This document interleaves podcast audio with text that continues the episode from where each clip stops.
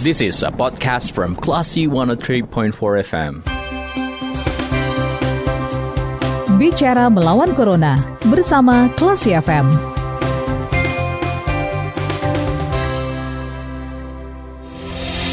103.4 Kelas FM, this is the Actual Radio. Kelas People, selamat sore. Saatnya Anda kembali mencermati program Bicara Melawan Corona hari ini Senin 10 Agustus 2020 di jam 16 waktu Indonesia Barat ya.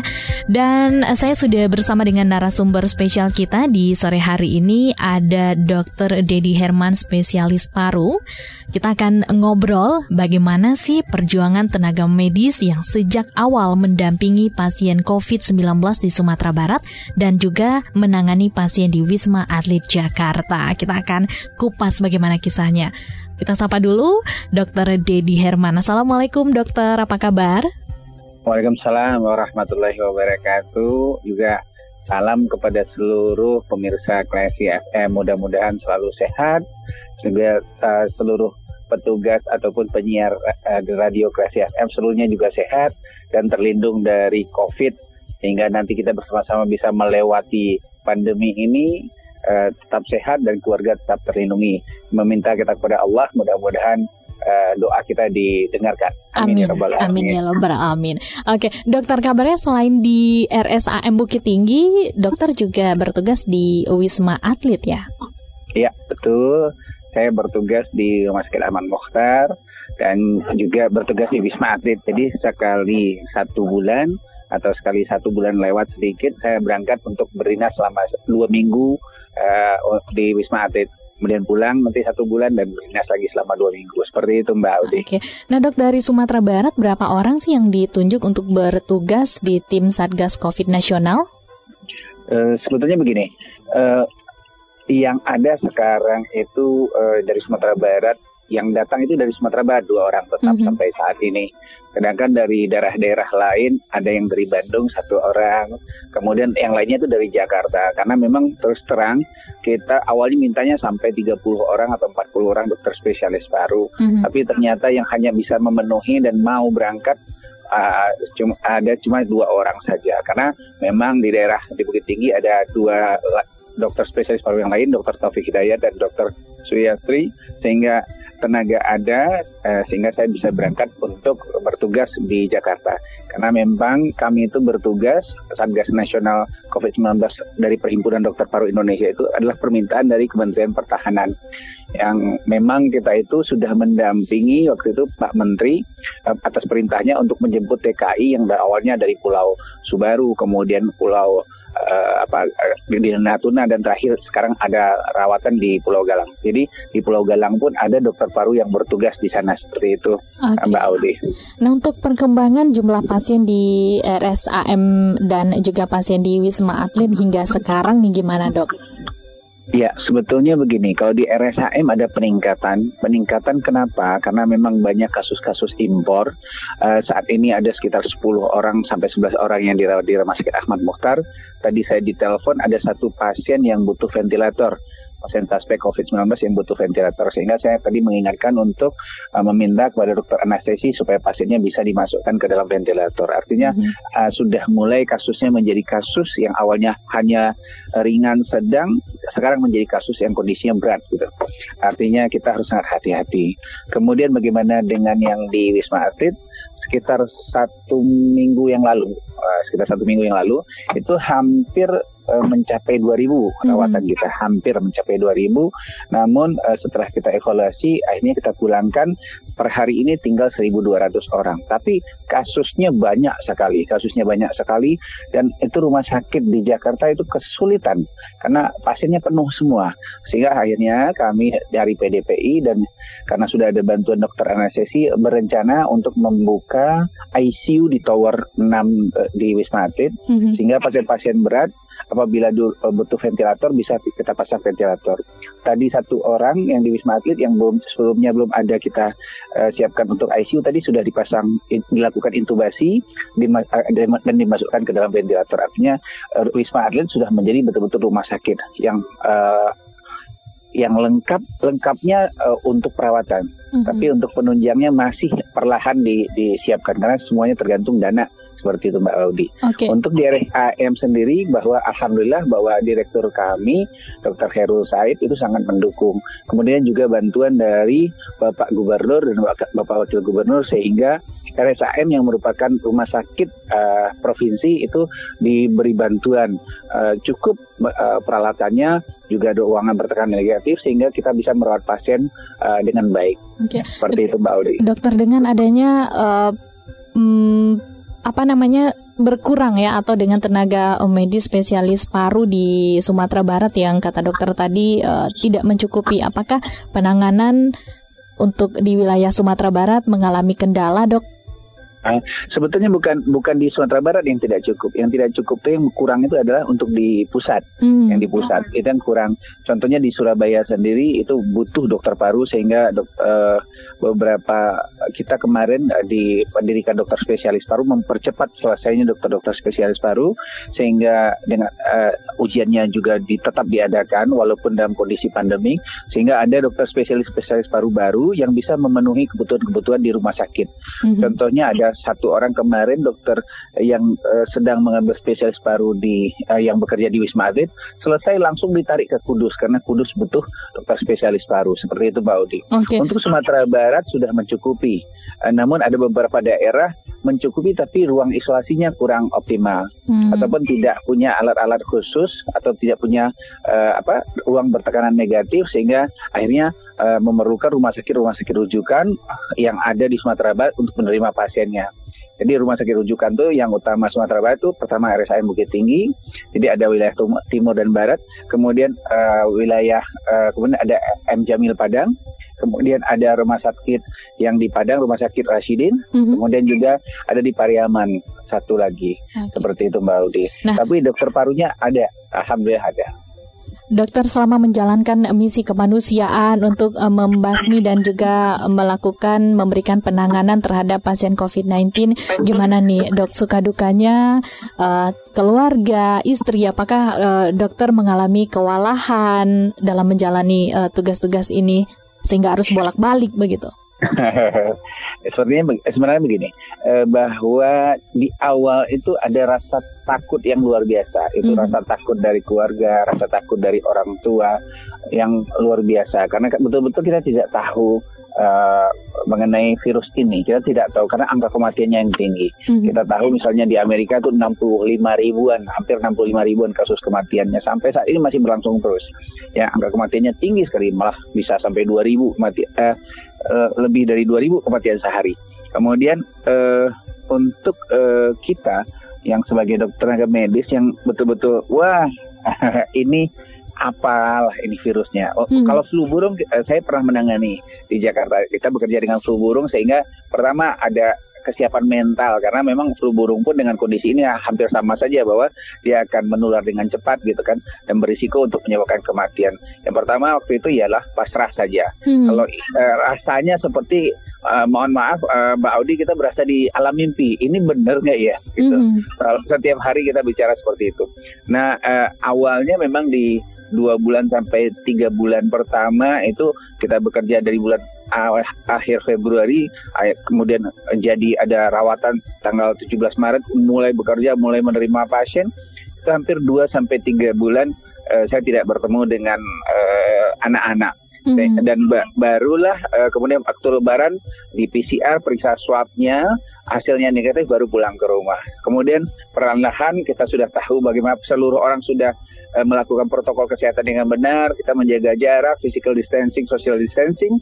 Kemudian akhirnya baru setelah setelah lebaran itu saya bisa balik ke rumah dengan tetap menjaga kalau misalnya terlalu malam saya sudah tidak tidak balik ke rumah lagi sudah uh, menginap di tempat orang tua atau menginap di tempat yang lain sehingga apa uh, bisa menjaga uh, keluarga tetap sehat dan saya tetap sehat seperti itu. Okay. Untuk perawat-perawat di awal-awal tiga bulan pertama uh, kita sudah di bulan Maret, sekarang sudah bulan Agustus. Itu biasanya kita uh, menginap menginap di hotel yang disediakan oleh pemerintah daerah. Mm-hmm. Waktu itu seperti itu untuk perawat ataupun orang laboratorium ataupun untuk yang uh, farmasi yang bekerja dengan COVID, menginap di situ termasuk dokter-dokter yang jaga. Tapi Mhm. sekarang setelah eh, rumah sakit juga menyiapkan eh, tempat di rumah sakit untuk eh, perawatan, untuk pra- untuk eh, perawat dan untuk orang-orang yang bekerja di ruang isolasi COVID. Oke. Eh, namun dengan berjalannya waktu ternyata kita mulai tahu oh ini harusnya seperti ini. Oh ada gejala eh, artinya kita terinfeksi. Oh ini tidak ada gejala, ini aman. Akhirnya barulah sebagian besar dari petugas kita bisa pulang ke rumah. Seperti itu. Karena ini eh, virus yang sangat baru sehingga kita perlu belajar dulu. Eh, setelah kita tahu, kita yakin, ah, barulah kita pulang ke rumah seperti itu Mbak Audi. Oke, dokter dengan perjuangan dokter yang eh, sudah membantu penanganan COVID-19 di samping itu masih banyak ya masyarakat kita yang pro dan kontra bahkan ada yang tidak percaya menganggap bahwa ini adalah konspirasi dan bla bla segala macam. Bagaimana dokter menyikapi hal ini, Dok?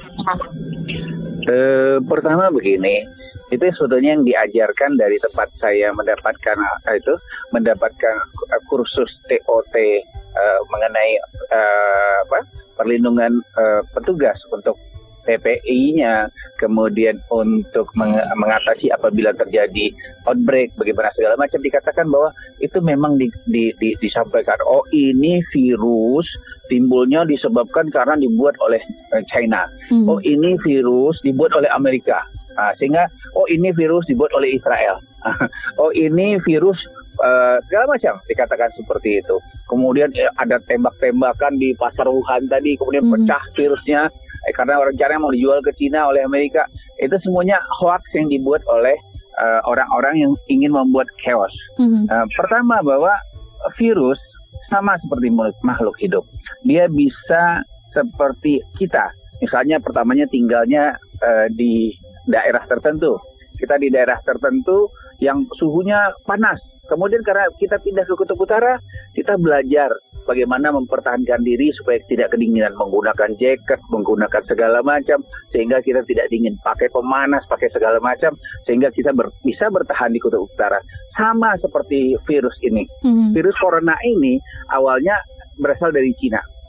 Awalnya berasal dari Cina dan virus ini terus terang oh susah sekali eh, apa matinya atau dimatikan. Kenapa susah sekali karena dimatikan? Karena dia dapat bertahan lama karena suhunya dingin, ya kan? Suhunya dingin. Mhm. Eh, kemudian dia bisa bertahan sampai satu bulan. Ternyata sampai di Indonesia awal-awal dikatakan, oh pertama virus ini bahwa dia kena ma- segala macam mati, kita aman negara kita Indonesia Mhm. seperti itu. Mhm. Dan, dan ternyata sama seperti manusia bahwa dia bisa beradaptasi dengan lingkungan, bisa beradaptasi dengan segala macam eh, apa eh, barrier yang ada Mhm. hingga bisa tahan lama. Jadi artinya apa?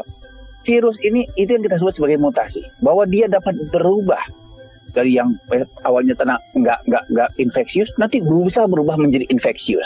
Mhm. Sehingga itulah yang kita takutkan sekarang yang terjadi di Jakarta, yang terjadi di eh, Surabaya, yang terjadi di Makassar. Kenapa? Eh, terus terang di situ kan protokol kesehatannya eh, banyak yang apa? Yang dilanggar. Mhm. Mayat jelas, Mhm. jelas positif, dibuka lagi, dicium-ciumin, sehingga banyak yang terinfeksi. Mhm. Kalau misalnya itu adalah virus yang bermutasi, ya, artinya angka kematiannya akan sangat tinggi. Oke. Jadi artinya apa? Bahwa kita eh, sekarang tidak jangan lagi memikirkan ini hoax, eh, oh ini konspirasi. Kita memikirkan bagaimana supaya na- jangan sampai kita nanti terinfeksi. Mhm. Bagaimana jangan sampai virus ini menyebabkan ekonomi negara kita hancur. Saat hancur, tidak ada satupun orang yang bisa selamat dari resesi. Mhm. Tidak ada, walaupun orang kaya sekali. Ah, walaupun dokter sekali. Oh ini itu. Jadi sekarang kita berpikiran harus maju ke depan, tidak mikirkan ini konspirasi, ini, tapi kita memikirkan bahwa bagaimana kita betul-betul bisa menyebabkan virus ini bisa kita atasi, Oke. sehingga tidak menambah korban baru, tidak menambah yang sakit baru. Karena biayanya sangat mahal Mhm.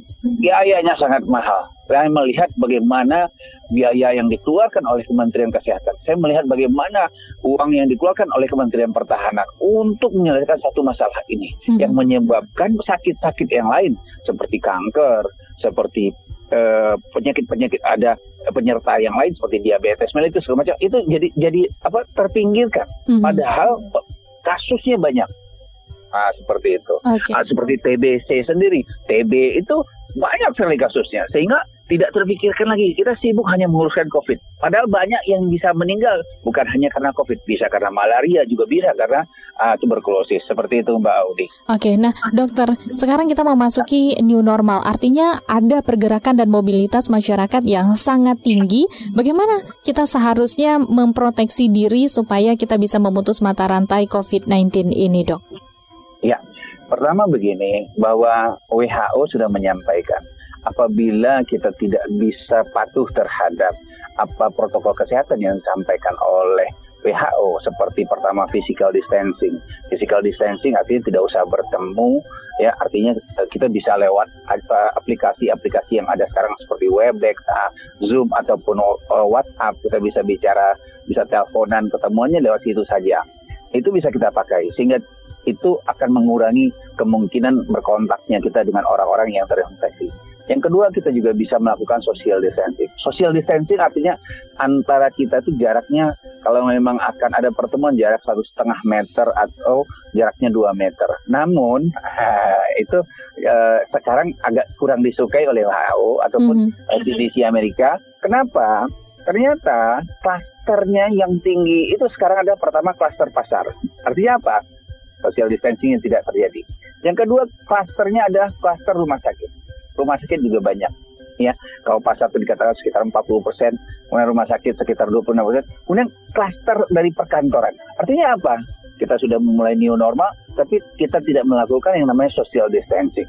Kita tidak melakukan physical distancing. Kemudian apalagi klaster yang lain? Klaster rumah ibadah dan sekolah. Itu jumlahnya di atas 18 persen. Artinya sangat banyak sekali disebabkan karena kita berkumpul. Artinya tidak terjadi social distancing, tidak terjadi physical distancing yang menyebabkan virus ini dapat uh, berke, berkembang di mana-mana atau dapat menular kepada orang lain. Hmm. Nah, ingat ada empat hal yang diingatkan oleh WHO dan Perhimpunan Dokter Paru Indonesia atau perhimpunan yang lain yang ada di Indonesia. Pertama, ada yang namanya uh, kewaspadaan kontak langsung. Artinya kita bicara langsung nanti uh, bisa kena sama orang atau kita memegang bekas yang dipegang orang yang batuk eh, batuknya itu mengandung virus air ludahnya ataupun liurnya ataupun dahaknya menempel di tempat yang kita pegang sehingga kita kena. Kemudian ada kewaspadaan yang namanya kewaspadaan uh, droplet. Mm-hmm. Sehingga orang batuk bisa nempel di mana kena juga ke kita atau langsung ke kita. Kemudian kewaspadaan standar yaitu kita harus hati-hati, harus cuci tangan dan segala macam.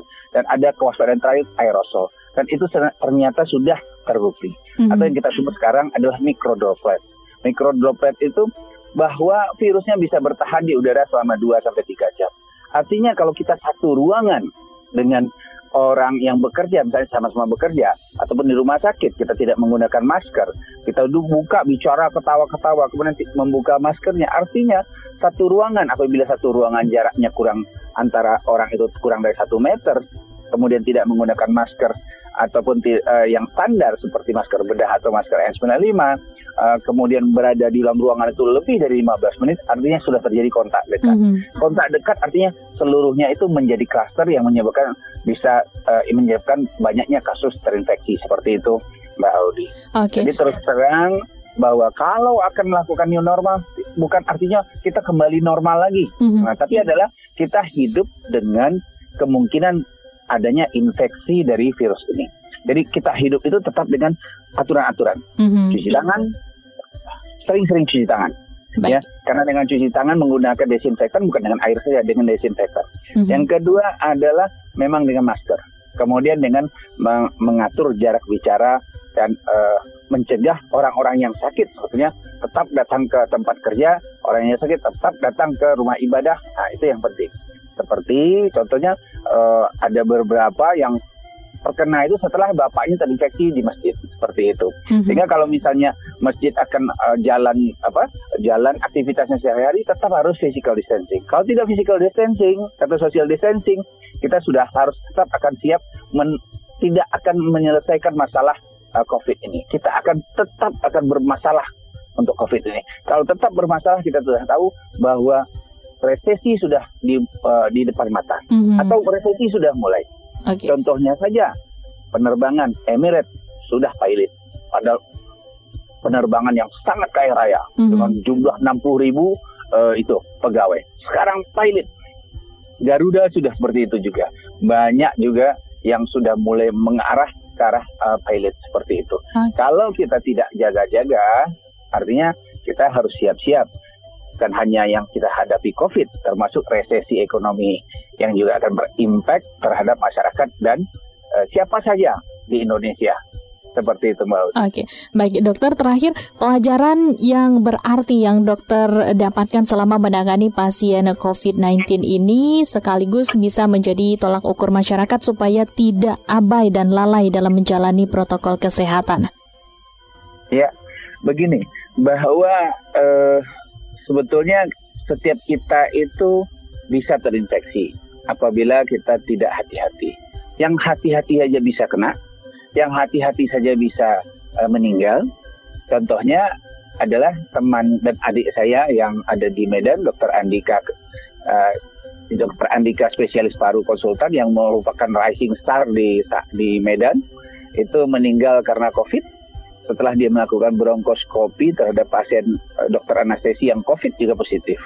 Mhm. Artinya eh, saat dia mengambil keputusan untuk melakukan suatu tindakan itu bahwa eh, itu akan merisikokan dirinya. Kalau misalnya eh, yang yang yang yang meninggal itu misalnya hanya diri kita, eh, ya kan? Padahal pasien yang kita tolong itu juga meninggal, itu kerugiannya sangat luar biasa Mhm. karena pendidikannya butuh waktu yang lama, kemudian biayanya juga sangat besar. Padahal kalau dia masih hidup, artinya dia bisa menolong lebih banyak lagi orang. Mhm. Kalau misalnya dirinya saja yang meninggal, eh, stop di situ. Mhm. Tapi apabila dia pulang ke rumah, menularkan kepada anak dan istri segala macam, dirinya meninggal, istrinya meninggal, bagaimana nanti anak-anaknya? Atau anaknya meninggal, istri meninggal, seluruhnya habis. Nah, jadi dalam melakukan eh, apa satu keputusan harus sangat hati-hati untuk petugas medis, untuk eh, eh, masyarakat tentu eh, kami mohonkan bahwa eh, tolong jaga protokol kesehatan yang sudah disampaikan oleh eh, pemimpin-pemimpin kita yang ada di Sumatera Barat, menjaga selalu cuci tangan, gunakan masker. Kalau tidak ada masker bedah, gunakan masker kain karena kita tahu harganya mahal sekali sekarang. Satu box yang awalnya cuma 17.000, 12 atau 25.000, sekarang satu box hampir 200 atau 300.000. Jadi gunakan tetap masker kain. Eh, dengan segala macam cara menghindari bahwa jangan sampai kita eh, terinfeksi atau jangan sampai batuk. Kalau kita batuk nanti menularkan kepada orang lain kalau misalnya kita positif. Yang lain adalah begini, bahwa sebagian besar tenaga medis kita misalnya di daerah eh, Bukit Tinggi atau di daerah Sumatera Barat, sebagian besar itu ada yang katanya ada insentif untuk dokter ya Mbak Udi ya Mhm. untuk perawat segala macam. Sebagian besar belum terima, ya dari awal Maret itu sebagian besar. Tapi yang di Wisma Atlet sebagian ada yang eh, sebagian sudah menerima seperti itu. Jadi dan ada juga dokter paru yang datang ke Wisma Atlet itu betul-betul tidak dibayar. Mhm. Ah, dan masuk itu mereka meresikokan dirinya. Ah, mereka meresikokan dirinya, tak, tidak dibayar sama sekali. Tujuannya adalah untuk bakti kepada negara dan membela rakyat.